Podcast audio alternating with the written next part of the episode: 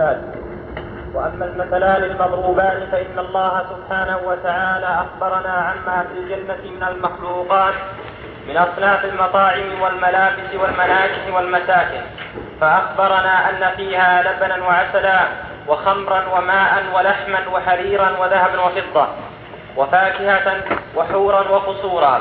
وقد قال ابن عباس رضي الله عنهما ليس في الدنيا شيء مما في الجنة إلا الأسماء. وإذا كان بالنسبة للاختبار إن شاء الله إلى إلى وين؟ يعني وأما مثلا يكون في ال... في آخر الاختبار الثاني. مو معه. لا. مثلا بس تضبط ذا ترى مهم جدا. ها؟ المنتسب إذا أجل هو يختبرون مع الطلبة؟ خلاص مثل غيره نعم. يقرأ باللي يبي؟ المهم يجيب لنا الجواب الصواب وكيف إذا جاب لنا جواب الصواب يقرأ اللي يبي. الأسئلة على الشرح أو على الكتاب الأسئلة نعم. على الشرح والكتاب نعم. من الكتاب ومن الشرح لأن, لأن الكتاب تعرفون فيه أشياء تحتاج إلى توضيح. أشياء تحتاج إلى توضيح. نعم. وإذا كانت تلك الحقائق التي أخبر الله عنها هي موافقة موافقة في الأسماء للحقائق الموجودة في الدنيا وليست مماثلة لها. بل بينهما من التباين ما لا يعلمه إلا الله تعالى. إلا الله تعالى فالخالق سبحانه وتعالى أعظم مباينة للمخلوقات من مباينة المخلوق للمخلوق. ومباينته لمخلوقات أعظم مباينة موجود الآخرة لموجود الدنيا. إذ المخلوق أقرب إلى المخلوق الموافق له في الاسم من الخالق إلى المخلوق. وهذا بين واضح ولهذا افترق الناس في هذا المقام ثلاث فرق. ثلاثة. ثلاث فرق. فالسلف والأئمة وأتباعهم آمنوا بما أخبر الله به عن نفسه وعن اليوم الآخر. مع علمهم بالمباينة التي بين ما في الدنيا التي بين ما في الدنيا وبين ما في الآخرة. وأن مباينة الله لخلقه أعظم والفريق الثاني الذين أثبتوا ما أخبر الله به في الآخرة من الثواب والعقاب. ونفوا كثيرا مما أخبر به من الصفات مثل طوائف من أهل الكلام. والفريق الثالث نفوا هذا وهذا كالقرامطة والباطنية والفلاسفة أتباع المشائين. ونحوهم من الملاحدة الذين ينكرون حقائق ما أخبر الله به عن نفسه وعن اليوم الآخر. ثم إن كثيرا منهم يجعلون الأمر والنهي من هذا الباب. فيجعلون الشرائع المأمور بها والمحظورات المنهي عنها لها تأويلات باطنة تخالف ما يعرفه المسلمون منها. كما يتأولون من الصلوات الخمس وصيام شهر رمضان وحج البيت. فيقول عندي كما يتأولون الصلاة الصلوات. الصلوات مهم من لا فيها من فيها من لا. كما يتأولون الصلوات.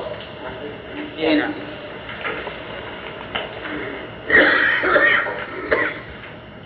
كما يتأولون الصلوات الخمس وصياما وصيام الصلوات صلوات بالفتح نعم. لماذا؟ آه بالكسر لأنها مؤنث. اي نعم. وصيام شهر رمضان وحج البيت فيقولون إن الصلوات الخمس معرفة أسرارهم وإن صيام رمضان كتمان أسرارهم وإن حج البيت والسفر إلى شيوخهم.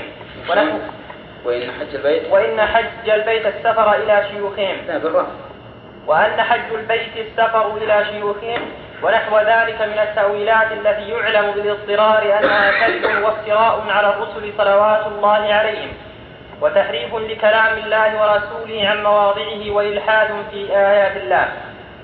وقد يقولون الشرائع تلزم العامة تلزم العامة دون الخاصة فإذا صار الرجل من عارفيهم ومحققيهم وموحديهم رفعوا عنه الواجبات وأباحوا له المحظورات. وقد يدخل في المنتسبين إلى التصوف والسلوك من يدخل في بعض هذه المذاهب. وهؤلاء الباطنية هم الملاحدة الذين أجمع المسلمون على أنهم أكثر من اليهود والنصارى. وما يحتج به وما يحتج به على الملاحدة أهل الإيمان والإثبات يحتج به يحتج به كل من كان من أهل الإيمان والإثبات على من يشرك هؤلاء في بعض إلحادهم يشرك. على من يشرك هؤلاء. على من يشرك هؤلاء في بعض إلحادهم فإذا أثبت لله تعالى الصفات ونفى عنهما ثلاث المخلوقات. فإذا أثبت الله تعالى الصفات ونفى عنهما ثلاث المخلوقات. ما خالف. إذا ردينا عليك غلطة نكسر غلطة غيرها فإذا أثبت لله تعالى الصفات ونفى عنهما ثلاث المخلوقات كما دل كما دل على ذلك الآيات البينات كان ذلك هو الحق الذي يوافق المعقول والمنقول ويهدم أساس الإلحاد والضلالات. والله سبحانه لا تضرب له الأمثال التي فيها مماثلة لخلقه. فإن الله لا مثيل له بل له المثل الأعلى.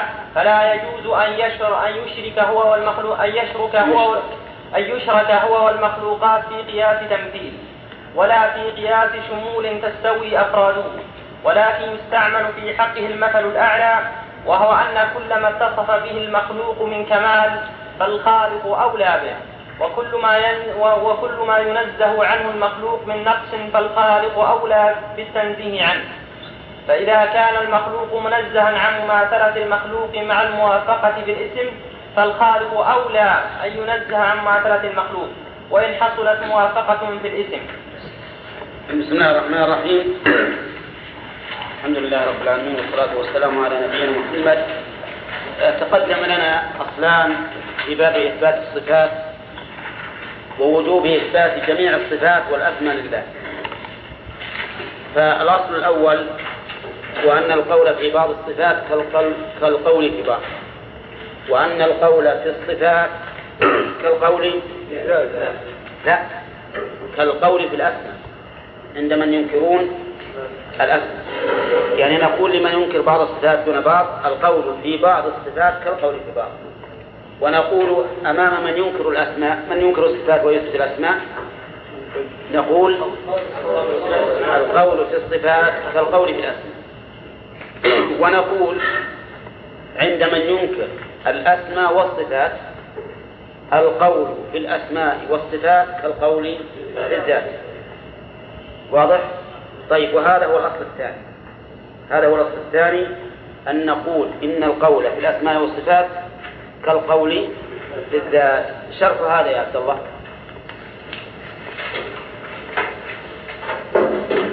قال ان القول نعم. أي ان الذات؟ نعم. إذا ان لا إذا نفس ذات المخلوقين نعم. وهو يثبت الذات نعم. فإذا كان له ذات نفس ذات المخلوقين فلذلك له صفات واسماء نفس وصفات المخلوقين طيب زين نقول أنت إذا أثبتت الذات فإن أثبتت مع ذلك تمثيلا. نعم. لابد أن يكون بالاسماء والصفات نعم كان بالأسماء والصفات تمثيلا وإذا لم تثبت لم يكن لم يكن. كما أنك إذا ادعيت أن في إثبات الأسماء والصفات تمثيل تمثيلا فإنه يلزمك أيضا في إثبات الذات. تمام. طيب يقول مالك وربيعة وغيرهما الاستواء. الاستواء معلوم نعم. وكيف نعم.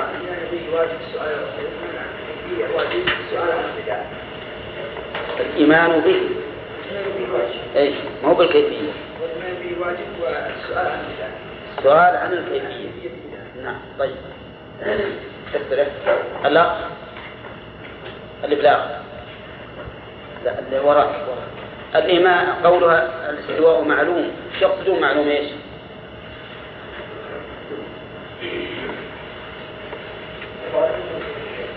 ها؟ يعني معلوم كيفية الاستواء؟ وشلون كيفية الاستواء الله؟ ما تقدر تعرف. لا. الكيفية لا يمكن لأحد أن يعرف كيف كيف استوى أبدا.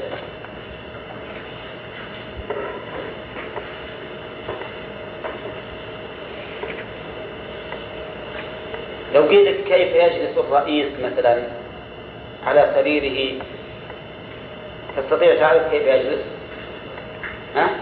وهو مخلوق يمكن تصل إليه وتعرف تشوفه إذا الخالق من باب أولى ألا تعرف كيفيته أجل وش معنى الاستواء معلوم؟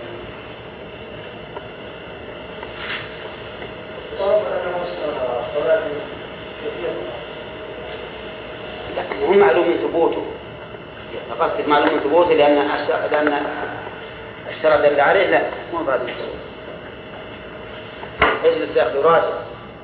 راجع. لا تظن أن المسألة سهلة من باكر نعم.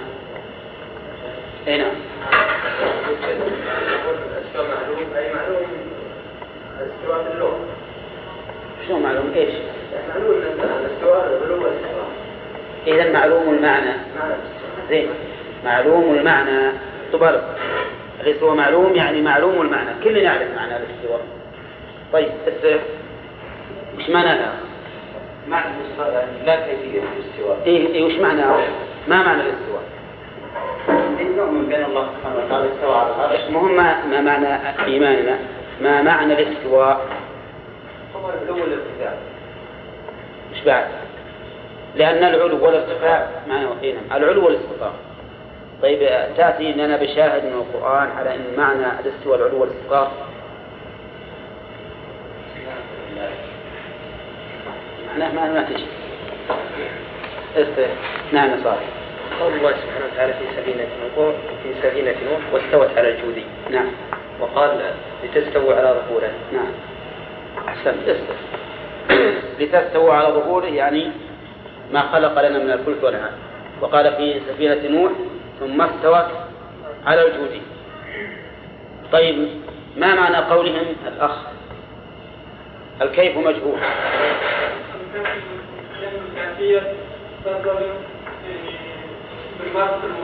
لا لا- ما نريد لماذا كان مجهولا؟ أن نقول إيش معنى الكيف مجهول؟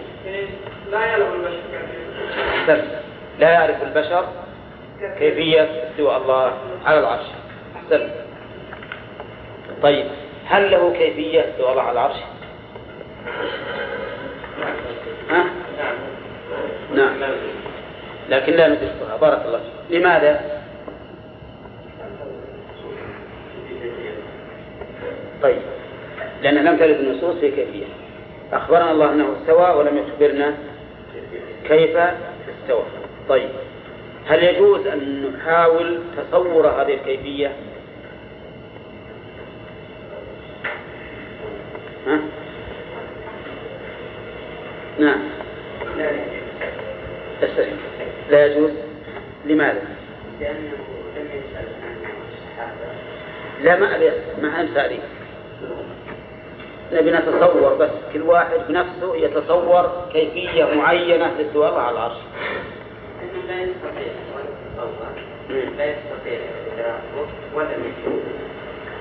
نعم. لأنه يستطيع نعم لأنه محاولة لما لا يمكن. وش الدليل أنه ما يمكن؟ لأنه لم يبين لكن النبي دليل أنت الآن عللت انه على أنه لا يمكن أن نحيط بهذا الشيء.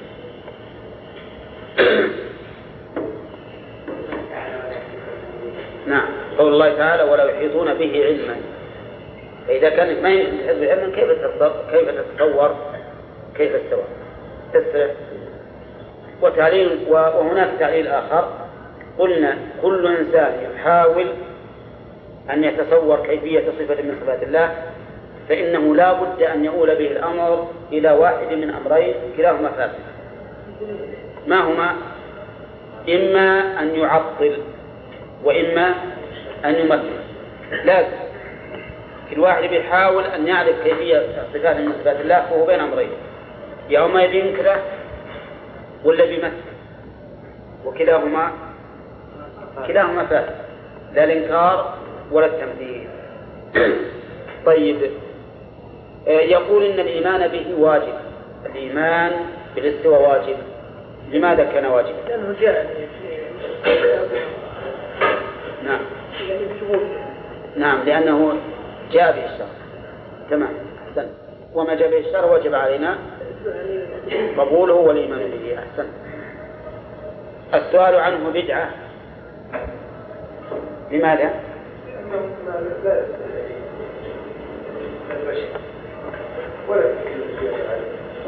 لكن بدعة بحيث إنه بدعة السؤال يعني واحد يسأل عن كيفية استواء الله على العرش أو كيفية نزوله نقول هذا بدعة أيوه ليش؟ نعم. إيه هذا ما يمكن الإجابة عليه ما يعلم بأنه قال هذا معناه إن إنه ما يجوز البحث فيه. يعني ما كل شيء يحرم يسمى بدعة. يحرم مثل الغش ولا نقول إن الغش بدعة. هو يحرم الكذب ولا نقول الكذب بدعة.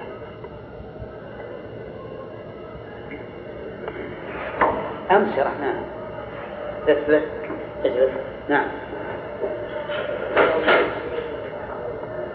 أحسن. لم يسأل الصحابة رسول الله. نعم. أحسن. اجلس.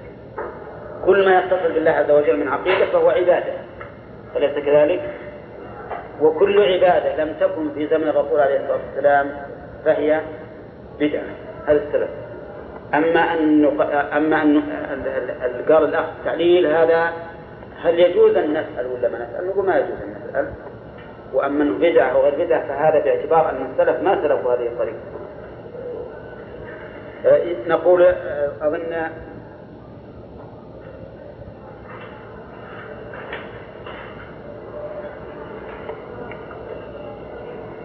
نبدأ بالدرس الجديد.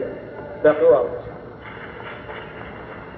قال وأما المثلان المضروبان فإن الله سبحانه أخبر عما في الجنة من المخلوقات من أن جاءنا إصابة في المطاعم ولا أصنام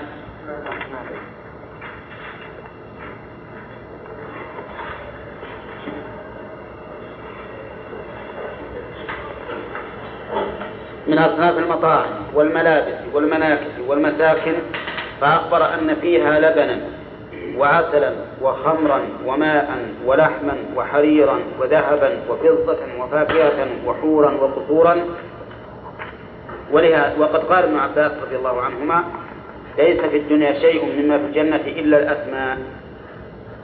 وإذا كانت تلك الحقائق التي أخبر الله عنها هي موافقة في الأسماء للحقائق الموجودة في الدنيا وليست مماثلة لها بل بينهما من التباين ما لا يعلمه إلا الله.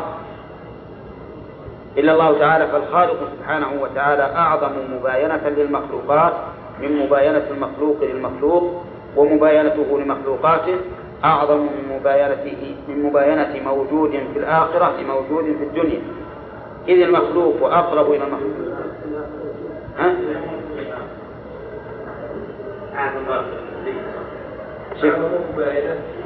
ومباينته لمخلوقاته أعظم من مباينة موجود الآخرة لموجود الدنيا. طيب. إذا المخلوق أقرب إلى المخلوق الموافق له في الاسم من الحقائق أو في الحقائق.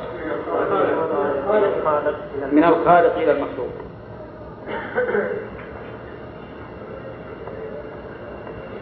وهذا بين واضح ولهذا افترق الناس هذا المثل يريد المؤلف رحمه الله أن يقرب الموضوع وهو اتفاق الأشياء في الأسماء مع اختلافها في الحقائق.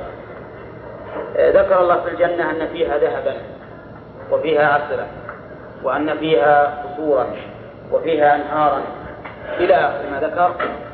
هذه الأشياء التي ذكر الله في الجنة هل يوجد لها نظير في الدنيا؟ أما في الحقيقة فلا. وأما في الاسم فنعم لأنه لو لم يوجد لها اسم كما سبق ما أمكننا أن نتصور ذلك. وهذا تقدم لنا قريبا. نقول هذه الموجودات في الآخرة. نعم موجود نظيرها في الاسم فقط أو في التسمية فقط موجود في الدنيا. ففي الدنيا ذهب وفي الجنة ذهب. وفي في الدنيا عسل وفي الجنة عسل. وفي الدنيا فاكهة وفي الجنة فاكهة. وفي الجنة وفي الدنيا نخل وفي, وفي الجنة نخل. وفي الدنيا رمان وفي الجنة رمان. وهكذا. طيب هل هذه الأشياء التي اتفقت في في الأصل في أصل المعنى هل يلزم أن تتماثل في حقيقته ولا ما يلزم؟ لا يلزم. ولا شك أن ما في الآخرة لا يمكن أن يكون مثل ما في الدنيا. وقد قال الله تعالى فلا تعلم نفس ما أخفي لهم من قرة أعين جزاء بما كانوا يعملون. وفي الحديث القدسي أن الله تعالى يقول أعددت لعباد الصالحين ما لا عين رأت ولا أذن سمعت ولا خطر على قلب بشر. إذا الحقائق غير الحقائق. والأسماء الأسماء واحد الأسماء واحد لكن الحقائق غير الحقائق. فإذا جاز أن تتوافق المخلوقات في الأسماء مع الاختلاف في الحقيقة فذلك في فيما بين الخالق والمخلوق أبين وأظهر. ولا لا؟ فإذا قلنا للخالق رحمة وللمخلوق رحمة؟ وللخالق حكمة وللمخلوق حكمة وللخالق سمع وللمخلوق سمع. هل يلزم من ذلك أن يكون متماثلين؟ لا يلزم. إذا قيل هل لنا مثال يقرب هذا الموضوع إيش نقول؟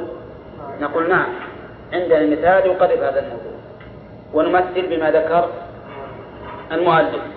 ما ذكر في الدنيا في الآخرة من النعيم موجود له نظير في الاسم في الدنيا. ومع ذلك لا يلزم من التماثل في الاسم أن يتماثلا في الحقيقة.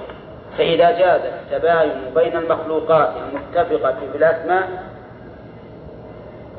التباين في حقائقها فالتباين فيما بين الخالق والمخلوق من باب أولى. ثم ذكر المؤلف رحمه الله أقسام الناس. بالنسبة لما يتعلق بالله من الأسماء والصفات وبالنسبة لما في الآخرة من هذه الأمور فقال والناس, والناس ولهذا افترق الناس في, في هذا المقام ثلاثة فرق فالسلف والأئمة وأتباعهم آمنوا بما أخبر الله به عن نفسه وعن اليوم الآخر مع إيش؟ مع علم مع علمهم بالمباينة التي بين ما في الدنيا وبين ما في الآخرة. وأن حقيقة وأن مباينة الله لخلقه أعظم. السلف والأئمة آمنوا بأن الأمرين على الحقيقة. ما أخبر الله به عن نفسه وما أخبر به عن عن الآخرة. أن ذلك كله حق وعلى حقيقته لكن مع التباين بين ما في الدنيا وبين ما في الآخرة وما وبين ما للمخلوق وما للخالق. يعني هذه عقيدتنا الآن نؤمن بأن ما في الآخرة فهو حق وما في الدنيا مما مما يماثله في الاسم فهو حق ولكننا نؤمن أيضا بالفرق العظيم بين هذا وهذا. كذلك نؤمن بأن ما وصف الله به نفسه وما أخبر به عنها فهو حق. وكذلك ما للإنسان من ذلك فهو حق أيضا. ولكننا نؤمن بالفرق العظيم بين هذا وبين هذا. واضح يا جماعة؟ طيب الفريق الثاني الذين أثبتوا ما أخبر الله به في الآخرة من الثواب والعقاب. ونفوا كثيرا مما أخبر به من الصفات مثل طوائف من أهل الكلام. الأشعرية يقولون ما أخبر الله به من الثواب والعقاب هذا حق. ففي الدنيا نار وفي الجنة نار وفي الآخرة نار. في الدنيا نار وفي الآخرة نار. وفي الدنيا فاكهة ونخل. ورمان وعسل وماء وذهب وفضة ولؤلؤ وفي الجنة كذلك. تبارك يا جماعة لكنهم يؤمنون هؤلاء الأشعرية وأهل الكلام الذي أشار إليه المؤلف يؤمنون بأي شيء؟ بأن ذلك حق في هذا وفي هذا وأنهما لا يتماثلان. يؤمنون بأنهما لا يتماثلان. لكن ما أخبر الله به عن نفسه يؤمنون به ولا لا؟ ينفون كثيرا منه. ينفون كثيرا منه. ولهذا قال نفوا كثيرا مما أخبر به من الصفات. فنفوا الحكمة كما سبق والرحمة والعزة وكثيرا من بل أكثر صفات الله نفوا. ما أثبتوا من الصفات سوى سبع صفات. قالوا انتباه يا جماعة. هؤلاء أخطأوا في شيء وأصابوا في شيء. بالنسبة لما أثبتوه من الثواب والعقاب في الآخرة وأنه حق على حقيقته وأنه لا يماثل ما في الدنيا صواب ولا خطأ؟ صواب وبالنسبة لنفيهم ما نفوا من صفات الله هذا خطأ. والواجب عليهم إذا أقروا بذلك أن يقروا بهذا أيضا لأن البابين واحد بل المفارقة بين الخالق والمخلوق أعظم من المفارقة. بين المخلوقات بعضها مع بعض. لماذا؟ لأن التشابه بين المخلوق والمخلوق أقرب من التشابه بين الخالق والمخلوق. والفريق الثالث نفوا هذا وهذا. كيف نفوا هذا وهذا؟ قالوا لا حقيقة للجنة ولا ما فيها من النعيم ولا حقيقة لأسماء الله وصفاته. كل هذا ليس له أصل ولا حقيقة. طيب الرسل أخبرت بالجنة والنار والوعد والوعيد قالوا نعم هذا المقصود به إصلاح الخلق. كذبوا على الخلق لأجل المصلحة. لأن الخلق إذا ما قيل إذا إذا لم يقل لهم إن فيه نارا يعاقب بها من خالف وجنة يثاب بها من وافق. إذا لم يقل لهم ذلك هل يوافقون ولا ما يوافقون؟ ما يوافقون إذا ما خوفوا ولا رغبوا ما رغبوا ولا خافوا. قالوا فالرسل كذبوا على الناس للمصلحة نعم؟ ولا هم يعلمون الرسل والعياذ بالله. هذا كذب أيضا. منهم يعني الرسل تعلم بأن ما أخبرت به عن اليوم الآخر لا حقيقة له. وأظن هذا درستموه في في سبق. معاه نعم. هم يقولون هؤلاء نفوا حقيقة ما أخبر الله به عن نفسه ونفوا حقيقة ما أخبر الله به عن اليوم الآخر. وقالوا كل ذلك ليس له أصل وليس له حقيقة.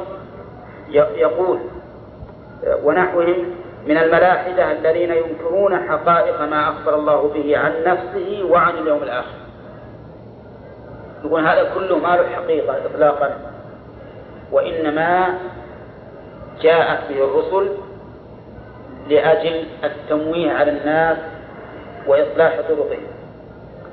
ثم إن كثيرا منهم يجعلون الأمر والنهي من هذا الباب فيجعلون الشرائع المأمورة بها والمحظورات المنهية عنها المنهية عنها يجعلون لها تأويلات باطنة تخالف ما يعرفه المسلمون منها.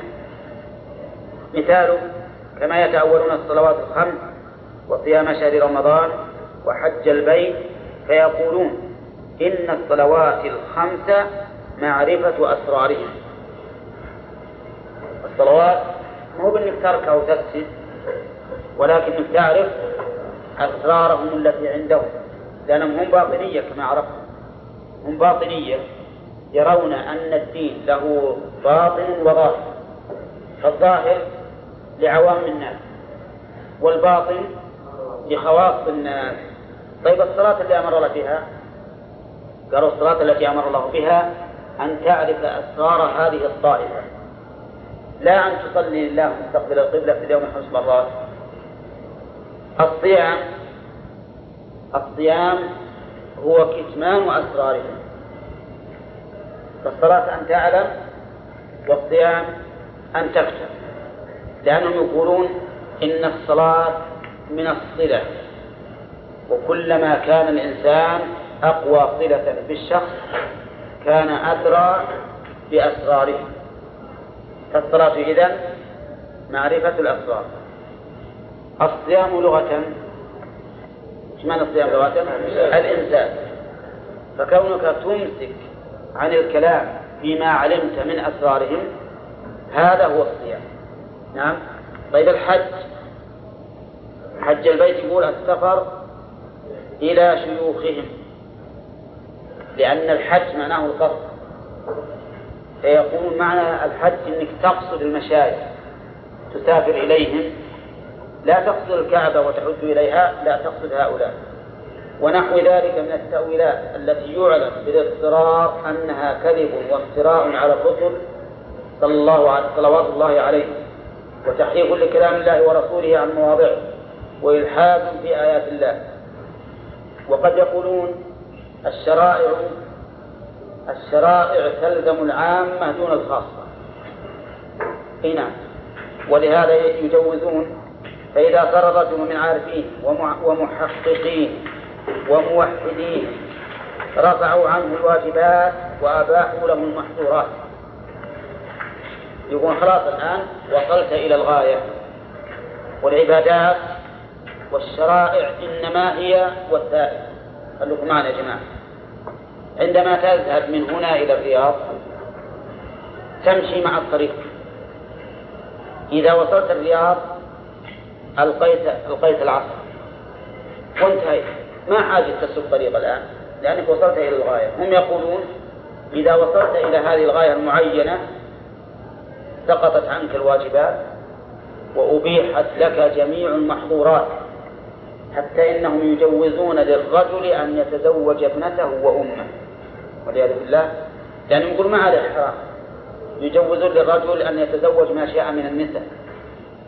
وقد سمعت من الحجاج الذين يقدمون من أفريقيا وما أكثر المتصور فيه أن بعض مشائخهم يتزوج من بنات الحي ما شاء وبدون إملاك وبدون مهر وبدون أي شيء. وأنه قالوا عندنا شيخ عنده خمسون امرأة. تزوج. يعني تعدى الرسول عليه الصلاة والسلام. نعم. كل هذا والعياذ بالله من الكفر الصريح الكفر الواضح وما كما قال المؤلف إلحاد في آيات الله. وإلا من الذي يسقط عنه تسقط عنه الشرائع؟ الشرائع ما تسقط عن أحد أبدا. ما تسقط إلا عن إنسان مستكبر أسقطها عن نفسه. وأما أن تسقط بشرع من الله فلا. ويذكر أن عبد القادر الجيلاني رحمه الله وهو من علماء الحنابلة وهو صوفي أيضا لكنه صوفيته معتدلة. يقول إنه رأى ليلة من الليالي نورا رأى نورا. فخوطب من هذا النور بأني ربك بأني ربك. ثم قال هذا المخاطب وقد أسقطت عنك الصلوات. طب الله يقول هكذا؟ ما يقول. فلما قال هذا قال له كذبت ولكنك شيطان. يقول فلما قلت ذلك تبدد النور ولم أرى شيئا. وهذا صحيح يعني الشيطان ألقى هذا الضوء وتكلم بهذا الخطاب. نعم. وقد وقد وقد يلقي الشيطان خطابا حتى في كلام الله. وما أرسلنا من قبلك من رسول ولا نبي إلا إذا تمنى ألقى الشيطان في أمنيته حينئذ عرف أنه لا يمكن أن يكون الله تعالى يضع عنه الصلوات. والله أعلم. الحمد لله رب العالمين والصلاة والسلام على نبينا محمد وعلى آله وصحبه أجمعين. قال رحمه الله تعالى وهؤلاء الباطنية هم الملاحدة الذين أجمع المسلمون على أنهم أكثر من اليهود والنصارى وما يحتج به وما يحتج به على وما يحتج به على الملاحدة أهل الإيمان والإثبات. يحتج به كل من كان من أهل الإيمان والإثبات على من على من يترك هؤلاء في بعض إلحادهم فإذا أثبت لله تعالى الصفات ونفى عنه ما سلف المخلوقات كما دل على ذلك الآيات البينات كان ذلك هو الحق الذي يوافق المعقول والمنقول ويهزم أساس الإلحاد والضلالات. والله سبحانه لا تضرب له الأمثال التي فيها مماثلة لخلقه فإن الله لا مثيل له. بل له المثل الأعلى فلا يجوز أن يشرك هو والمخلوقات في قياس تمثيل ولا في قياس شمول تستوي أفراده ولكن يستعمل في حقه المثل الأعلى. وهو أن كل ما اتصف به المخلوق من كمال فالخالق أولى به وكل ما ينزه عنه المخلوق من نقص فالخالق أولى بالتنزيه عنه. فإذا كان المخلوق منزها عن مماثلة المخلوق مع عن مماثلة المخلوق مع الموافقة بالرزق فالخالق أولى ينزه عن مماثلة المخلوق وإن حصلت موافقة بالرزق وهكذا القول في المثل الثاني وهو أن الروح التي فينا فإنها قد وصفت بصفات ثبوتية وسلبية. وقد أخبرت النصوص أنها تأخذ وتصعد من سماء إلى سماء وأنها تقبض من البدن وتسل منه كما تسل الشعرة من العجينة. والناس مضطربون فيها فمنهم طوائف من أهل الكلام يجعلونها جزءا من البدن أو صفة من صفاته كقول بعضهم إنها النفس أو الريح التي تردد في البدن وقول بعضهم إنها الحياة أو المزاج أو نفس البدن ومنهم طوائف من أهل الفلسفة يصفونها بما يصفون به واجب الوجود عندهم. وهي أمور لا تصف بها لا يتصف بها إلا ممتنع الوجود فيقولون لا هي داخلة في البدن ولا خارجه ولا مباينة له ولا مداخلة له ولا متحركة ولا ساكنة ولا تصعد ولا تهبط ولا هي جسم ولا عرض. وقد يقولون إنها لا تدرك الأمور المعينة والحقائق الموجودة في الخارج وإنما تدرك الأمور الكلية المطلقة وقد يقولون إنها لا داخل العالم ولا خارجه ولا مباينة لهم ولا مداخلة. وربما قالوا ليست داخلة في أجسام العالم ولا خارجة عنها مع تفسيرهم للجسم بما لا يقبل الإشارة الحسية فيصفونها بأنها لا يمكن الإشارة إليها ونحو ذلك من الصفات السلبية التي تلحقها تلحقها بالمعدوم والممتنع وإذا قيل لهم إثبات مثل هذا ممتنع في ضرورة العقل قالوا بل هذا ممكن بدليل أن الكليات ممكنة موجودة وهي غير مشار إليها. وقد غفلوا عن كون الكليات لا توجد كلية إلا في الأذهان لا في الأعيان. فيعتمدون بها ويقولونه في المبدأ والمعاد على مثل هذا الخيال الذي لا يخفى فساده على غالب السبحان. بسم الله الرحمن الرحيم. المؤلف رحمه الله ضرب لبيان إمكان وصف الله تبارك وتعالى بما يليق به وأنه لا يلزم من وصفه بما يليق به أن يكون مماثلا للمخلوق. ضرب لهذا مثلين. المثل الأول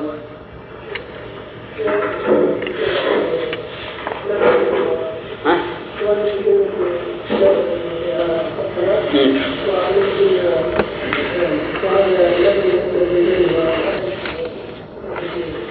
نعم. إلا في الاسم. أي نعم. طيب. كمل إيضاح المثل؟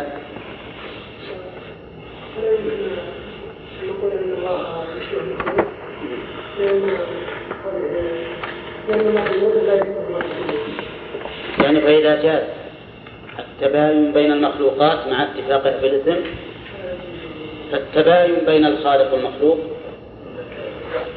من باب أولى. أولا هذا وجه المثل. استرح فاهمين هذا المثل الآن. يقول نحن نعلم أن في الجنة أشياء اتفقت مع ما في الدنيا في الأسماء ولا لا؟ واختلفت في الحقائق في حقائق هذا المسمى. فإذا جاز هذا بين المخلوقات فجوازه بين الخالق والمخلوق أولى. وأظن هذا مثل بين جدا يعني أن هذا أمر ليس ممتنعا في العقل. وهو وهو التوافق في الاسم والاختلاف في الحقيقة. واضح؟ طيب. ثم ذكر بعد ذلك أن الناس انقسموا إلى الأخ. انقسموا في هذا الباب. نعم.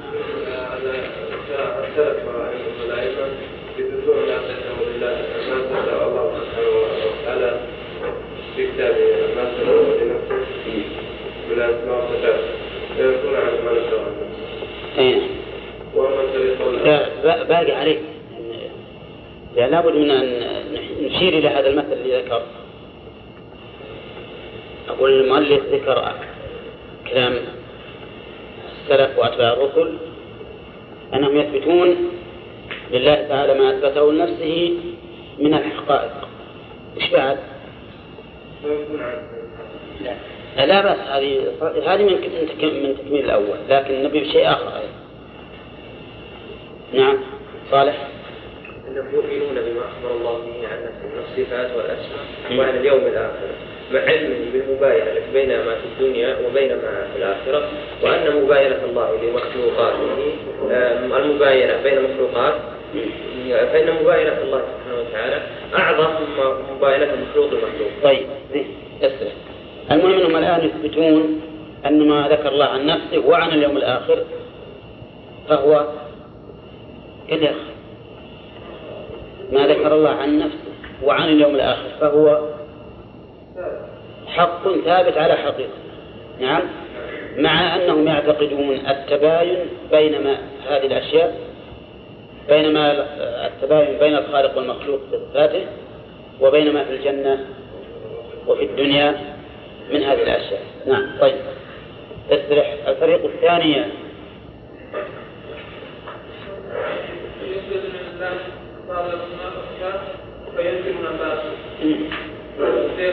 مع إثبات مع إثباتهم. لا لا.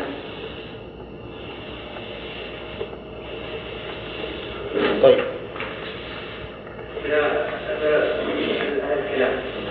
لا ما أقصد من أنا ما ما هو ما هو طريقتهم؟ طريقتهم أثبتوا اليوم ما فيه.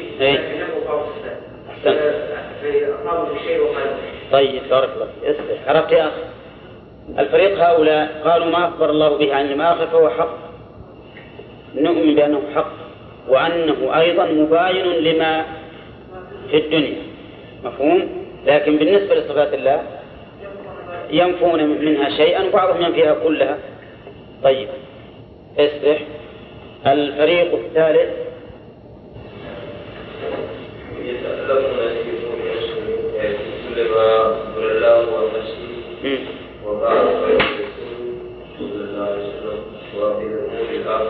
أحسنت.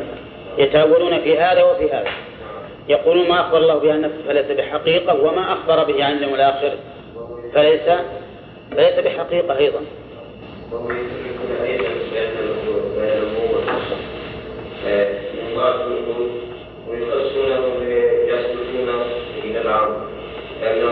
لا لا خذها هذه بعد شيء المهم بالنسبة للأمور الغيبية والأخبار.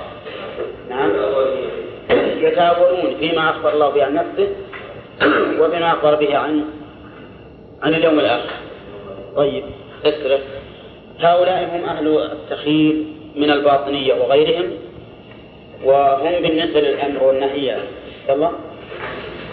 يؤولون الشرائع. يؤولون الشرائع. يؤولون الشرائع طيب الصلاة نعم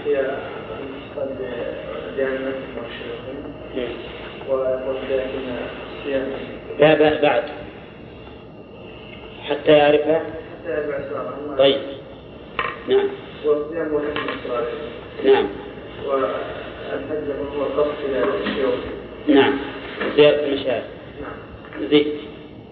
وأن الأوامر الشرعية يؤمر بها؟ يؤمر بها العامة دون الخاص. طيب. تسرح.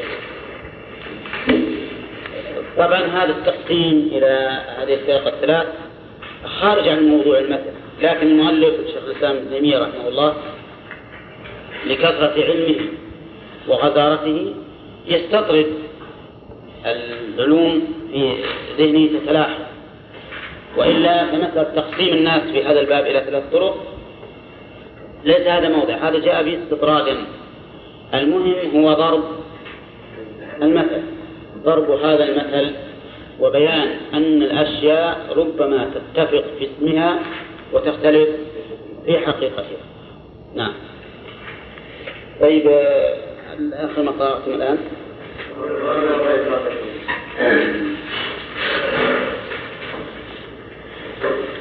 قال المؤلف وما يحتج به وما وما يحتج به على الملاحدة أهل الإيمان والإثبات يحتج به كل من كان من أهل الإيمان والإثبات على من يشرك أو عند من يشارك هؤلاء في بعض الحادث.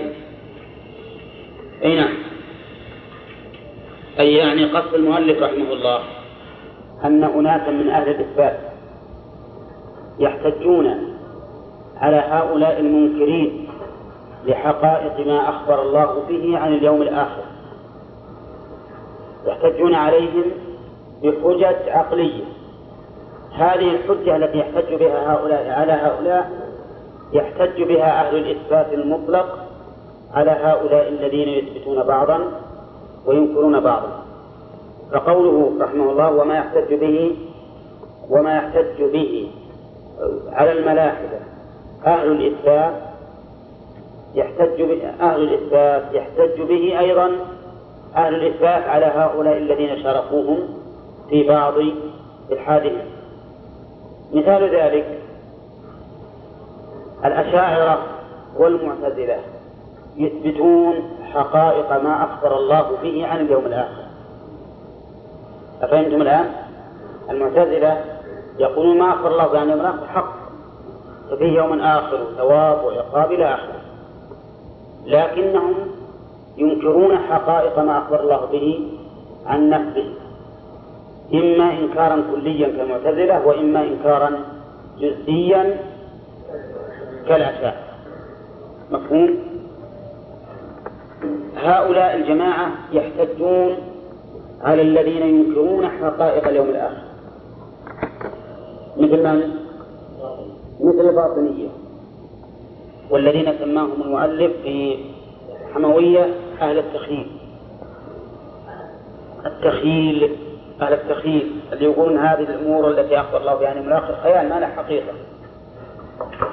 يحتج عليهم بأي شيء؟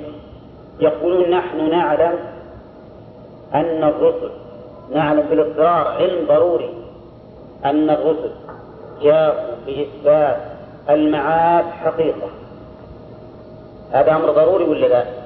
ضروري أن الرسل جاءت بهذا كل الرسل يؤمنون بذلك وجاءوا به وأيدوه وأكدوه يقولون وقد علمنا فساد الشبهة المانعة منه الشبهة المانعة من من الأساس شبهة فاسدة. لأن أقوى ما احتج به من من أنكره قال من يحيي العظام وهي رميم.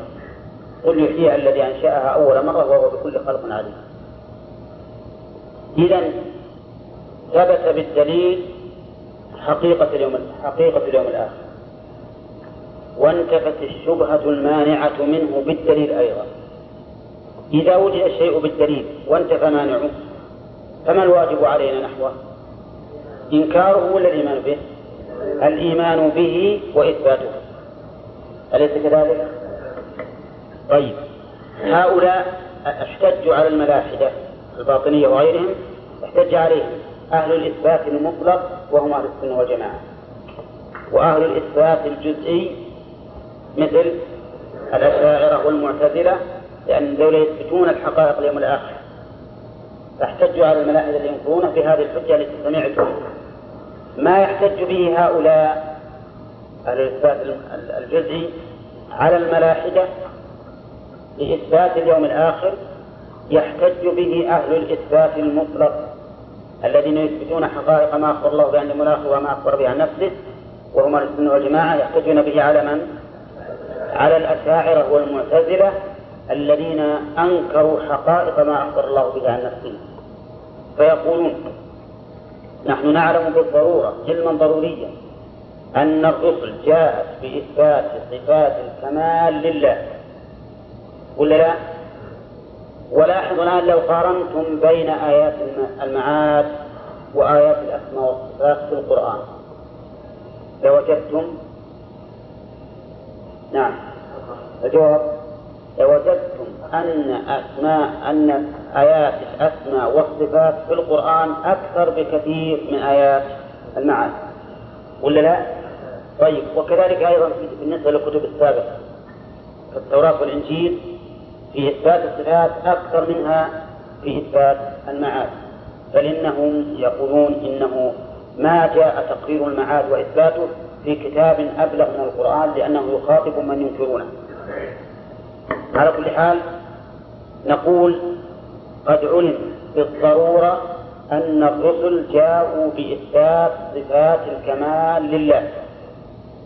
فهؤلاء وقد علمنا فساد الشبهة المانعة منه. يعني من إثبات الصفات وش الشبهة المانعة منه؟ حجتهم كما مر. أن ذلك يقتضي التشبيه والتجسيم وما أشبه ذلك. هذه الشبهة هل هي واردة أو باطلة؟ باطلة. لأن نثبت الشيء بدون تشبيه كما أثبتم أنتم أيها الأشاعرة والمعتزلة أثبتم حقائق اليوم الآخر بدون بدون تشبيه هم يقولون الآن في الجنة وفي النار عقاب وثواب لكن ما يشبه عقاب الدنيا وثوابها. بل هو أعظم وأعظم بكثير. أرجو الانتباه يا جماعة فإذا ما يحتج به هؤلاء على الملاحدة يحتج به من؟ أهل السنة على هؤلاء. وقد علمتم الآن أن الدليل هو نفس الدليل. قد علم بالضرورة أن الرسل جاءت بإثبات الصفات لله وأن الشبهة المانعة من ذلك. فاسدة ولا ولا غير فاسدة؟ فاسدة. فيجب علينا بعد ذلك يجب علينا القول به. كما قلتم أنتم بالنسبة للملاحدة إنه قد علم بالضرورة أن الرسل جاءت بإثبات المعاد وقد علمت وقد علم فساد الشبهة المانع منه. فيجب علينا القول به. أي نعم. أشوف هذا الأبيض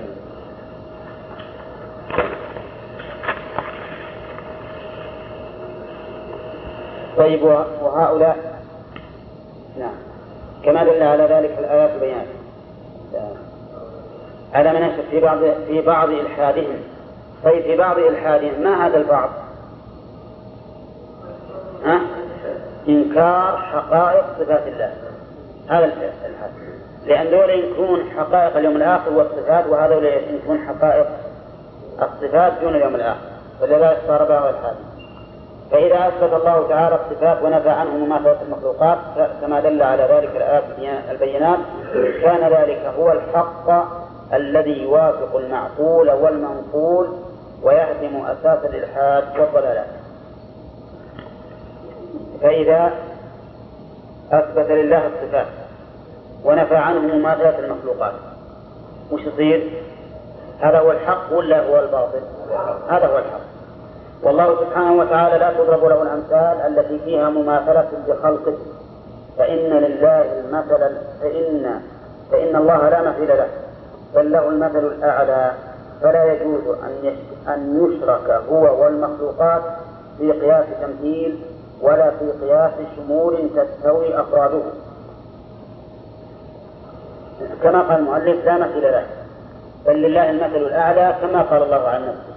ولله المثل الأعلى في السماوات والأرض وهو العزيز الحكيم. فلا فلا يشرك مع خلقه في قياس تمثيل ولا في قياس شمول. تستوي أفراده. هذا أظن قرأتموه في أصول الفقه. قياس التمثيل وقياس الشمول. ولا لا؟ ها؟ اي اللي قرأتم في أصول الفقه قياس التمثيل وقياس وقياس الشمول لا قياس التمثيل قرأتوه أكثر. لأن باب القياس في أصول الفقه هو القياس التمثيل بمعنى أنك تقول هذا مثل هذا. فمثلا إذا كان إذا كان الرسول عليه الصلاة والسلام يقول القر بالقر مثلا بمثل سواء بسواء يدا بيد فنحن نقول الرز مثل البر الرز مثل البر فالرز بالرز يجب أن يكون مثلا بمثل سواء بسواء يدا بيد هذا إيش نسميه؟ قياس تمثيل لأن كلمة البر ما تشمل الرز. ولا لا؟ ما تشمل الرز. لكن الرز مثله. فيقاس عليه قياس تمثيل قياس تمثيل لأن كلمة البر لا تشمل.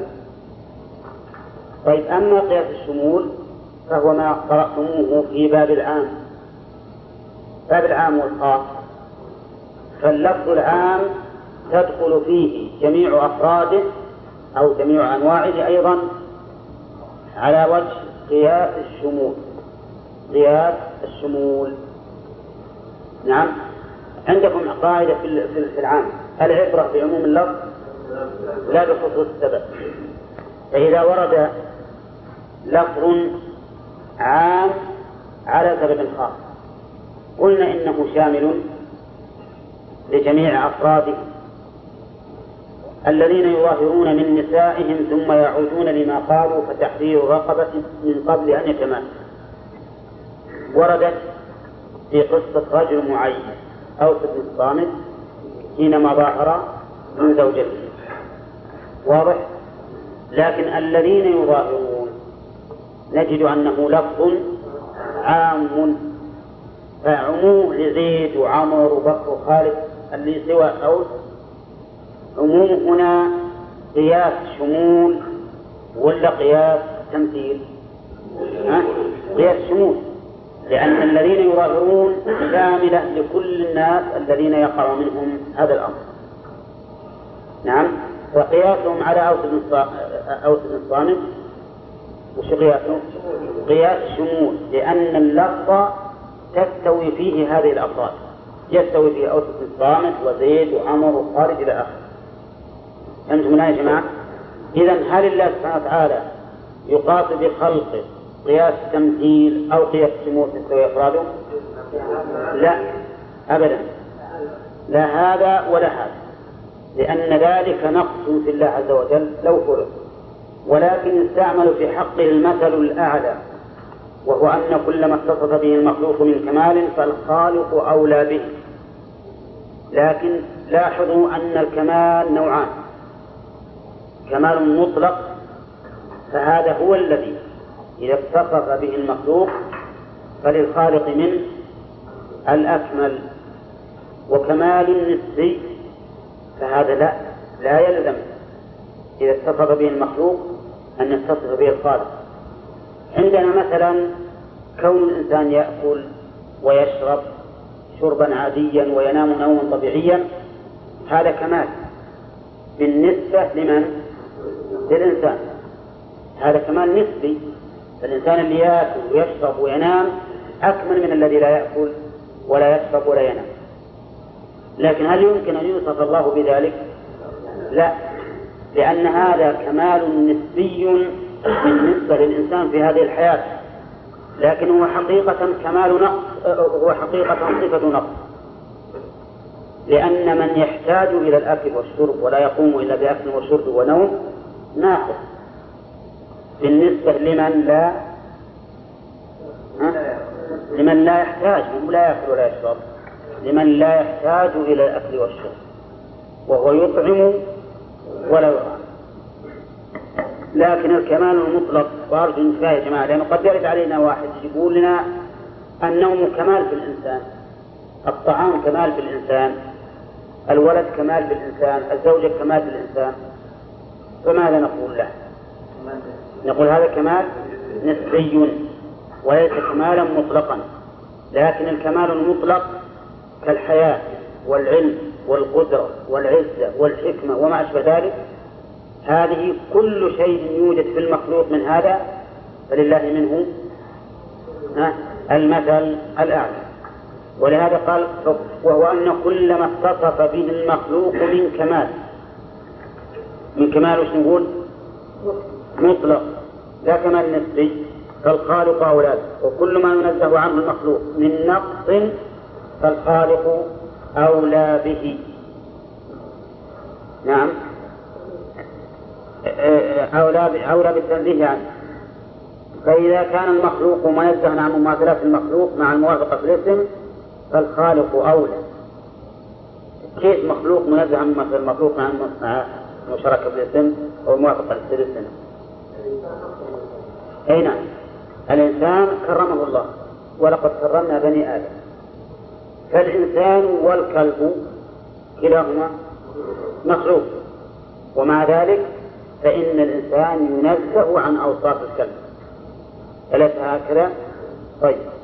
يقول فالخالق أولى أن ينزه عن مماثلة المخلوق وإن حصلت موافقة الاسم وهكذا القول في المثل الثاني وهو أن الروح التي فينا فإنها قد وصفت بصفات ثبوتية وسلبية وقد أخبرت النصوص أنها تخرج وتصعد من سماء إلى سماء. تعرج نعم. أنها تعرج وتصعد من سماء إلى سماء وأنها تقبض من البدن وتسل منه كما تسل الشعرة من العجينة. وهذا معروف في الكتاب والسنة والناس مضطربون فيها مع أن الروح بعيدة عنك ولا لا؟ ها؟ الروح بعيدة عنك ولا من بعيد؟ ها؟ الروح هي في جسمك ومع ذلك اضطرب الناس فيها الاضطراب الذي سيذكره المؤلف نعم وهي موجودة في الإنسان واضطربوا فيها هذا الاضطراب لأنهم حقيقة لا يشاهدون نظيرها فليس في الشاهد ما يشبه تلك الروح. ولهذا اضطرب فيها النصارى من المتكلمين وغيرهم. فمنهم طوائف من أهل الكلام يجعلونها جزءا من البدن أو صفة من صفاته كقول بعضهم إنها النفس أو الريح التي تردد في البدن وقول بعضهم إنها الحياة أو المزاج أو نفس البدن. إذا هم يعني جماعة إما جزء أو صفة في البدن. ومنهم طوائف من أهل الفلسفة يصفونها بما يصفون به واجب الوجود عندهم. واجب الوجود عندهم عرفت نصه فيما سبق. أنهم يقولون لا موجود ولا معدوم ولا عالم ولا جاهل ولا حي ولا ميت ولا عاجز ولا قادر. إلى نعم. وهي أمور لا يتصف بها إلا ممتنع الوجود فيقولون لا هي داخلة لا هي داخلة في البدن ولا خارجة منه نعم. ولا مبينة له ولا مداخلة له ولا متحركة ولا ساكنة ولا تصعد ولا تخفى ولا هي جسم ولا عرض. هذه الأوصاف السلبية كلها تدل على أنها أمر لا وجود له. أولا يعني لو قلت صفة العدم؟ ما وجدت أحسن من هذا الوصف. لا هو داخل البدن ولا خارجه. ولا مباين ولا محاد ولا متحرك ولا ساكن. أشياء يعني قلب للنقيضين. نعم. وقد يقولون إنها لا تدرك الأمور المعينة والحقائق الموجودة في الخارج وإنما تدرك الأمور الكلية المطلقة. وهذا أيضا خطأ. فالنفس لولا وجود النفس البدن نعم ما أدرك شيئا. والإنسان يدرك الأمور الكلية والأمور الجزئية كما هو معروف. وقد يقولون إن لا داخل العالم ولا خارجه ولا مباينة له ولا مداخلة. وربما قالوا ليست داخلة في أجسام العالم ولا خارجة عنه. كيف؟ لا هي داخلة عنها ولا خارجة عنه. نعم. مع تفسيرهم للجسم بما لا يقبل الإشارة الحسية فيصفونها بأنها لا يمكن الإشارة إليها ونحو ذلك من الصفات السلبية التي تلحقها بالمعدوم والممتنع. والسبب في هذا الاضطراب هو أنهم لا يشاهدون لها نظيرا في الخارج. ولا يؤمنون بما جاءت به النصوص. والإنسان اللي ما عنده دليل عقلي ولا نقلي ولا حسي. ماذا يسمع؟ على كل حال ارتبك ما يستطيع أن يثبت على قول وإذا قيل لهم إثبات مثل هذا ممتنع في ضرورة العقل قالوا بل هذا ممكن بدليل أن الكليات الممكنة موجودة وهي غير مسار إليها. يريد بالكليات الكليات المعاني العامة. كما نقول مثلا الإنسان. الإنسان يتصور أن هناك إنسانية مطلقة يشترك فيها من؟ كل فرد من الناس. يتصور أن يوجد كلية مطلقة عامة. هي الإنسانية. يشترك فيها فلان وفلان وفلان وفلان. لكن هل حقيقة أن هذه الكلية المطلقة حقيقة أنها موجودة؟ هل نجد إنسانية شيء مشاهد؟ لا ليست موجودة ولهذا نقول يقول المؤلف بل قالوا بل هذا ممكن بدليل أن الكليات ممكنة موجودة وهي غير مشار إليها. أنا بينت لكم مثلا في الكليات قلنا أنا إنسان وأنت إنسان وهذا إنسان وذاك إنسان يتصور الإنسان أو يتخيل أن هناك كلية عامة مطلقة تسمى إيش؟ الإنسانية. اشتركنا فيها. هذه الإنسانية التي نتصورها وأننا مشتركون فيها هل يشار إليها؟ ها؟ ما يشار إليها لأنها موجودة. هي موجودة. كذلك الحيوان. الإنسان حيوان والبعير حيوان والفرس حيوان والحمار حيوان وهكذا. يتصور الإنسان أن هناك حيوانية مطلقة عامة. لكن هذا التصور حقيقة ولا ولا لا؟ ها؟ لا وين الحيوانية اللي إحنا مشتكين بها؟ وين؟ وين ساكنة في الرياض في مكة أمريكا وين؟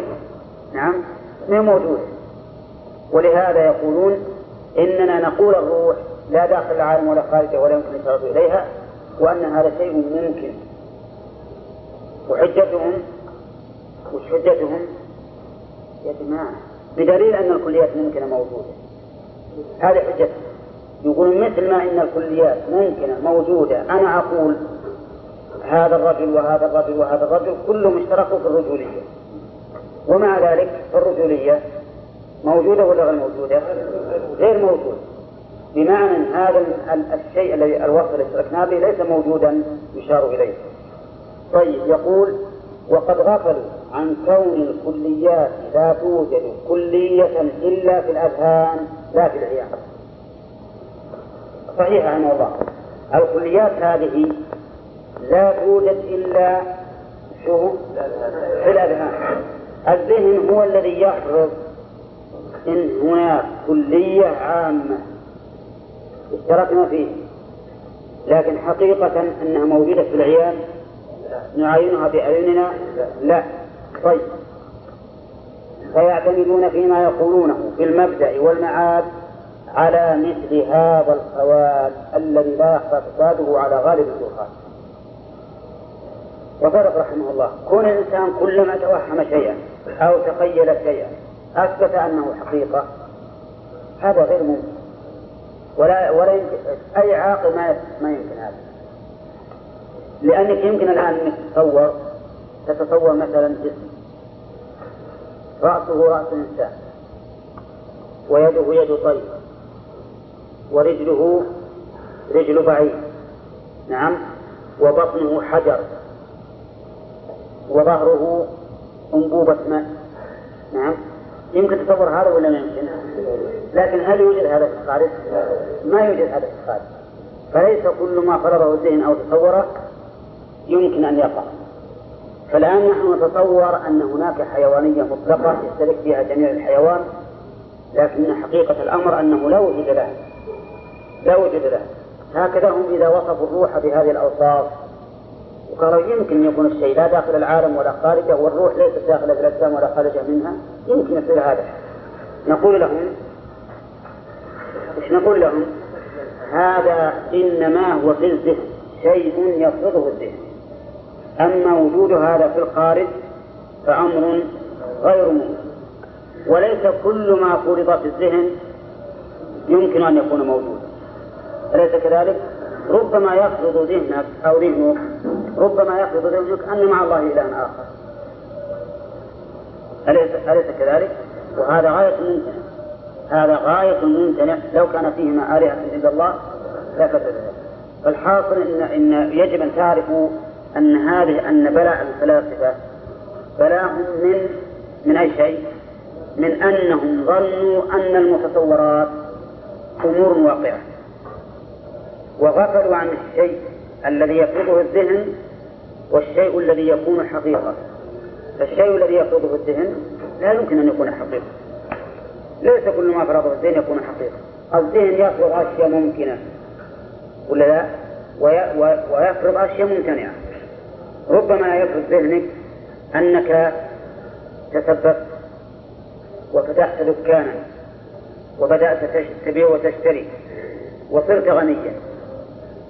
يمكن يكون له وجود هذا ولا ما يمكن؟ يمكن يكون له وجود. لكن فرض اسم على ما وصفنا قبل قليل هذا لا يمكن أن يكون له وجود. فتبين بهذا أن فرض الأذهان لا يجوز أن يحكم عليه حكم العيان. لأن فرض الأذهان قد يكون ممكنا وقد يكون ممتنعا غاية الممتنعات وقد يكون أيضا واجبا. قد يكون واجبا. مثل ما لو تصورت أن كل محدث محدث بالفتح لا بد له من محدث هذا التصور حقيقة ولا حقيقة واجب. واجب. ولهذا الأعرابي الأعرابي وهو أعرابي كما تعرفون بعيد عن عن الثقافة والعلم سئل بما عرفت ربك بما عرفت ربك فقال الأعرابي ببديهته الأثر يدل على المسيح لأنه متعود الجواد والأثر والبعرة تدل على البعيد من بيئته كذلك فسماء ذات أبراج وأرض ذات فجاج وبحار ذات أمواج ألا تدل على السميع البصير؟ بلى. فأقول إن إن, إن الذهن يفرض أشياء واجبة وأشياء ممكنة وأشياء ممتنعة. بسم الله الرحمن الرحيم. والثلاث مخاطر مثبتة والمثبتات أبوح كثير وسبب أن الروح التي تسمى تسمى بالنفس الناطقة النفس الناطقة عند الفلاسفة ليست هي من جنس من جنس هذا البدن ولا من جنس العناصر والمولدات منها بل هي من جنس آخر. مخالف لهذا مخالف لهذه الأجناس فصار هؤلاء لا يعرفونها إلا بالسلوك لا يعرفون. لا يعرفونها إلا بالسلوك. التي توجب مخالفاتها من أشياء مشهودة وأولئك يجعلونها من جنس الأشياء المشهودة وكلا وكلا وكلا قولين خطأ. وكلا. وكلا وإطلاق القول عليها بأنها جسم أو ليست بجسم يحتاج إلى تفصيل فإن لفظ الجسم للناس في أقوال متعددة اصطلاحية غير معناها اللغوي فإن أهل اللغة يقولون الجسم هو الجسد والبدن وبهذا الاعتبار الروح ليست جسما ولهذا يقولون الروح والجسم كما قال تعالى وإذا رأيتهم تعجبك أجسامهم وإن يقولوا تسمع لقولهم وقال تعالى وزادهم وزادهم بسطة بالعلم والجسم. وأما أهل الكلام فمنهم من يقول الجسم هو الوجود موجود ومنهم من يقول هو القائم بنفسه ومنهم من يقول هو المركب من الجواهر المفردة ومنهم ومنهم من يقول هو المركب من المادة والصورة وكل هؤلاء يقولون إنه مشار إلى إلى إشارة إليه. إنه مشار إليه إشارة حسية. ومنهم من يقول ليس مركبا من هذا ولا من هذا بل هو مما يشار إليه. ويقال إنه إنه ويقال إنه هنا أو هناك فعلى هذا إن كانت الروح إن كانت الروح مما يشار إليها ويتبعها بصر الميت كما قال صلى الله عليه وسلم إن الروح إذا خرجت تبعها البصر وإنها تقبض ويعرج بها إلى السماء. كانت الروح جسما بهذا الاصطلاح والمقصود أن الروح إذا كانت موجودة حية عالمة قادرة سميعة سميعة بصيرة تصعد وتنزل وتذهب وتزيد ونحو ذلك من الصفات. والعقول قاصرة عن تكليفها وتحديدها لأنها لم يشاهدوا لأنها لم يشاهدوا لها نظير. لأنهم لم يشاهدوا لها نظير والشيء إنما نظير ولا نظيرا؟ نعم. والشيء إنما تدرك حقيقته بمشاهدته أو مشاهدة نظيره. فإذا كانت الروح متصفة بهذه الصفات مع عدم مماثلتها لما يشاهد بما يشاهد من المخلوقات. بما يشاهد من المخلوقات فالخالق أولى بمباينته لمخلوقاته مع اتصافه بما يستحقه من أسمائه وصفاته. وأهل العقول هم أعجز عن أن يحدوا أن يحدوا أو يكيفوا منهم. أن أن أن الروح أو يكيفوها فإذا فإذا كان من صفات الروح جاهدا معظما لها ومن مثل هذا ومن مثله ومن مثلها بما يشاهده من المخلوقات جاهدا ممثلا لها بغير شكلها وهي مع ذلك ثابتة بحقيقة الإثبات مستحقة لما لها من الصفات فالخالق سبحانه وتعالى أولى أن يكون من نفى من نفي الصفات من نفى من نفى الصفات جاهلا معطلا ومن قاله بخلقه جاهلا به ممثلا.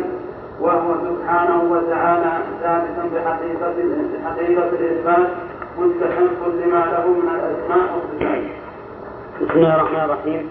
الحمد لله رب العالمين والصلاة والسلام على نبينا محمد وعلى آله وأصحابه أجمعين. أما بعد فقد تقدم أن المؤلف رحمه الله بين أن إثبات الصفات لله سبحانه وتعالى مع عدم المماثلة يتبين بأصلين ومثلين وخاتمة ولا لا؟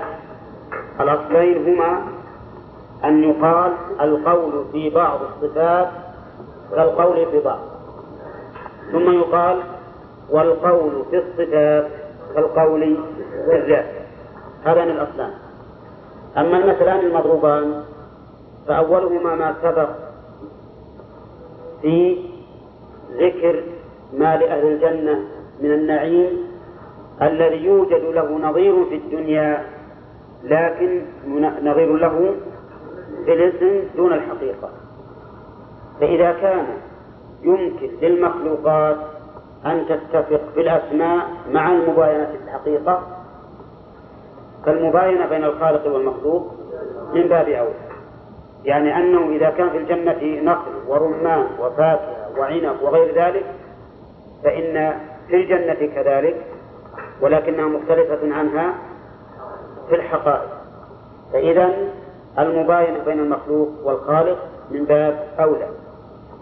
المثل الثاني مثل الروح. كلنا نعلم أن كل حي فله روح وجسم وأن الإنسان هو الروح والجسم فالجسم هو هذا المشاهد الذي نشاهده ويوصف بالطول والعرض والسواد والبياض والصحة والمرض والحركة والسكون إلى آخره ولا لا؟ والروح هي الحالة في هذا الجسم هي الحالة في هذا الجسم. هذه الروح اختلف فيها كما يقول المؤلف النظار اختلافا كثيرا. منهم من يقول هي الدم ومنهم من يقول هي النفس ومنهم من يقول إنها مجهول. نعم. لكن النصوص دلت على أن هذه الروح جسم من الأجسام. جسم لكن ليست كأجسامنا. كيف دلت الأدلة على أنها جسم؟ لأن الرسول بل الله سبحانه وتعالى أخبر بأنها تمسك. الله يتوفى الأنفس حين موتها والتي لم تمت في منامها فيمسك التي قضى عليها الموت ويرسل الأخرى إلى أجل مسمى. وأخبر أنها توفى. حتى إذا جاء أحدكم الموت توفته رسلنا. وهم لا يفرطون تقبض وكذلك أيضا في الحديث أنها إذا قبضت تبعها البصر. إيش معنى تبعها؟ أي جعل يرمق له يرمقها وينظر إليها ولهذا تبقى عين الميت فاتحة لأنه ينظر إلى روحه التي خرجت من جسمه. نظر عيان كما أخبر بذلك النبي صلى الله عليه وسلم في حديث لما دخل على أبي سلمة رضي الله عنه وهو يقبض قد شخص بصره قال إن الروح إذا قبض اتبعه البصر. وأخبر النبي عليه الصلاة والسلام أنها تكفن بكفن من الجنة وحنوط من الجنة وأنه يصعد بها إلى الله عز وجل من سماء إلى سماء ثم ترجع إلى بدنها كل هذا يدل على أنها جسم ولا لا؟ ومع ذلك ليست كهذه الأجسام. ليست كهذه الأجسام ولا يعتريها ما يعتري الجسم. نعم. فإذا كان هذا في الروح التي بين جنبينا أو بين جنوبنا لا نعلم عن كيفيتها ولا نستطيع أن نعرف حقيقة كونها مع أننا نؤمن بأنها بأنها جسم تقبض وترسل وتنسى وتكفن ويصعد بها إلى آخره. مع أنها مباينة لأجسامنا هذه فالمباينة بين الخالق والمخلوق من باب أولى واضح هذا المثل ولا لا؟ واضح المثل جدا. ثم إن المؤلف تعرض فيها أثناء هذا الكلام إلى أن الشيء لا يمكن أن يعرف إلا بمشاهدته أو مشاهدة نظيره. ونحن زدنا شيئا ثالثا. ما هو؟ الخبر الصادق. الخبر الصادق عنه يعني قد لا تشاهده أنت ولا تشاهد نظيره ولكن يخبرك إنسان صادق بأنه شاهده على هذا الوصف. نعم. ويمكن أن يرجع أن يرجع هذا إلى كلام المؤلف الخبر الصادق لنقول مشاهدته يعني سواء أنت المشاهد أو غيرك فأخبرك. على كل حال لا يمكن للإنسان أن يعرف حقيقة الشيء حتى مش حتى يشاهده هو أو يشاهد نظيره أو يخبر خبرا صادقا عنه. كل هذا بالنسبة لحقيقة ذات الله وصفاته ممكن ولا لا؟ ها؟ بالنسبة لحقيقة ذات الله وصفاته يمكن ولا غير ممكن؟ غير ممكن فالله تعالى ليس كمثله شيء لا نظير له ونحن لم نشاهده نعم ولو شاهدناه ما أدركناه لا تدركه الأبصار وهل أخبرنا الله تعالى عن نفسه عن حقيقة ذاته وصفاته. ها؟ هل قال إنه استوى على العرش على كيفية كذا وكذا؟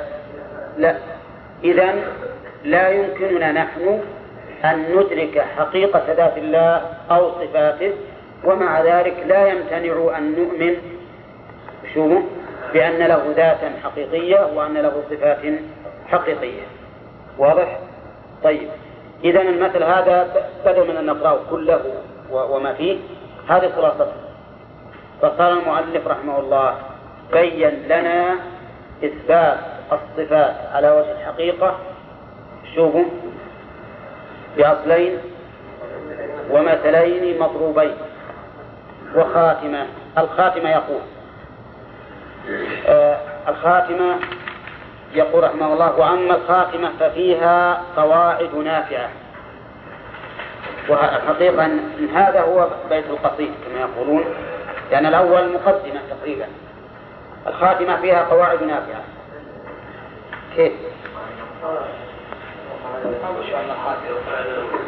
وأما خاتمة الجامعة ففيها قواعد نافعة. القاعدة الأولى.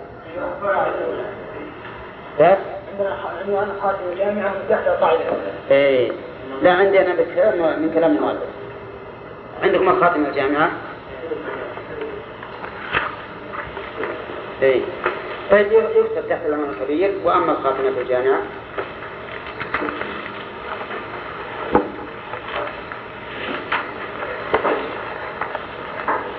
وأما خاتمة الجامعة ففيها قواعد نافعة.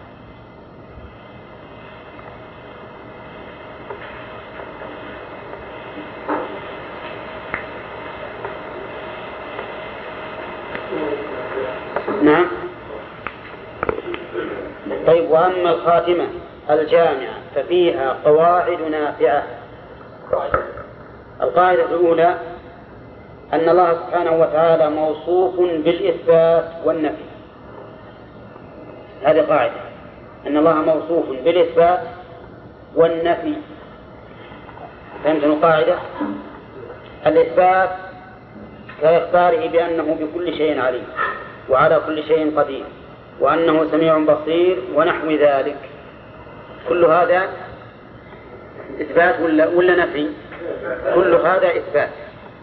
واعلم أن جميع ما أثبته الله لنفسه نحن نضيف إلى هذه القاعدة إن كان المؤلف ما ذكرها. نضيف إلى هذا أن كل ما أثبته الله لنفسه فهو صفة كمال. كل ما أثبته الله لنفسه فإنه صفة كمال. لكن هذا الكمال لا يلزم أن يكون كمالا في حقنا. لا يلزم أن يكون كمالا في حقنا. فمثلا من أوصاف الله تعالى السمع والبصر والعلم والإرادة والقدرة. صفة إثبات ولا ولا نفي؟ إثبات. هي كمال هذه الصفات ولا لا؟ ها؟ كمال. هي بالنسبة لنا أيضا كمال. فالإنسان اللي يسمع ويبصر ويعلم ويقدر أكمل ممن ليس كذلك. التكبر بالنسبة لله صفة كمال وبالنسبة لنا صفة نقص. فليس كل صفة كمال للخالق تكون صفة كمال لنا. صفة كمال لنا. نعم. هذه نشرحها الآن. أنتم اكتبوها ولا تكتبوها؟ المهم أن نشرح. كل ما أثبت الله لنفسه فإنه صفة كمال. كمال لمن؟ كمال له. ولا يلزم من صفة الكمال له أن تكون صفة كمال لنا. نعم.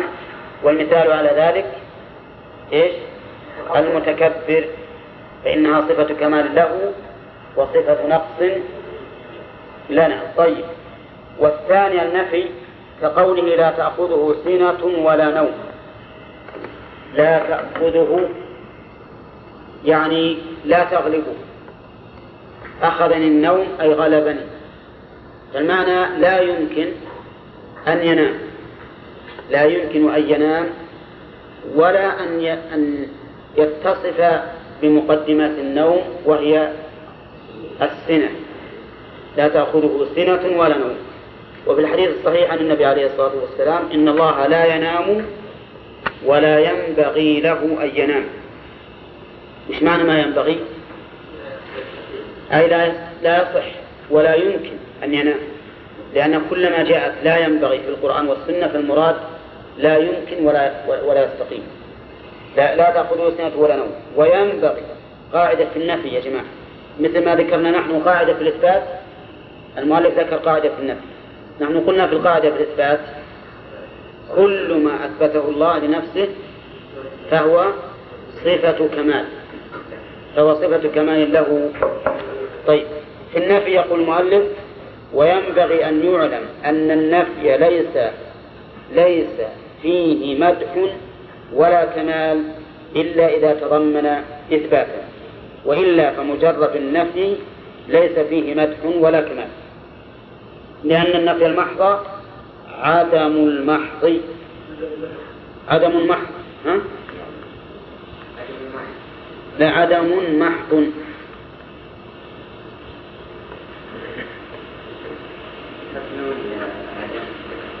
تنوين. ضمتين عدم محض والعدم المحض ليس بشيء. وما, لا وما ليس بشيء. إيش بعد؟ ها؟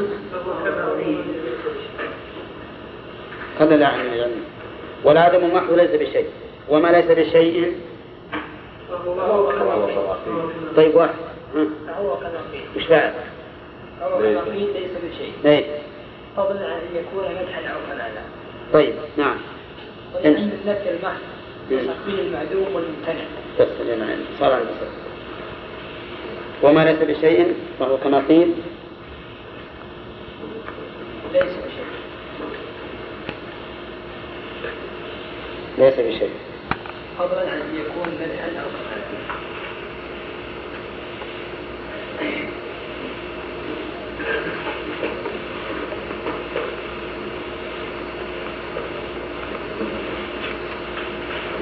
نعم. عن ان يكون مدحا كمالا ولان النفي المحض نعم. يوصف به المعدوم والممتنع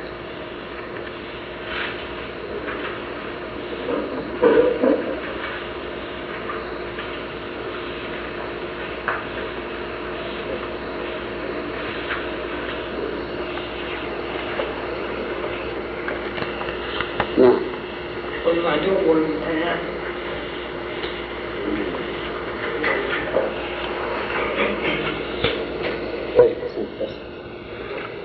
هذه القاعدة في النفي يقول المؤلف ينبغي أن يعلم أن النفي ليس فيه مدح ولا كمال إلا إذا تضمن إثباتا يعني ما ذكر الله تعالى من صفات النفي التي وصف بها نفسه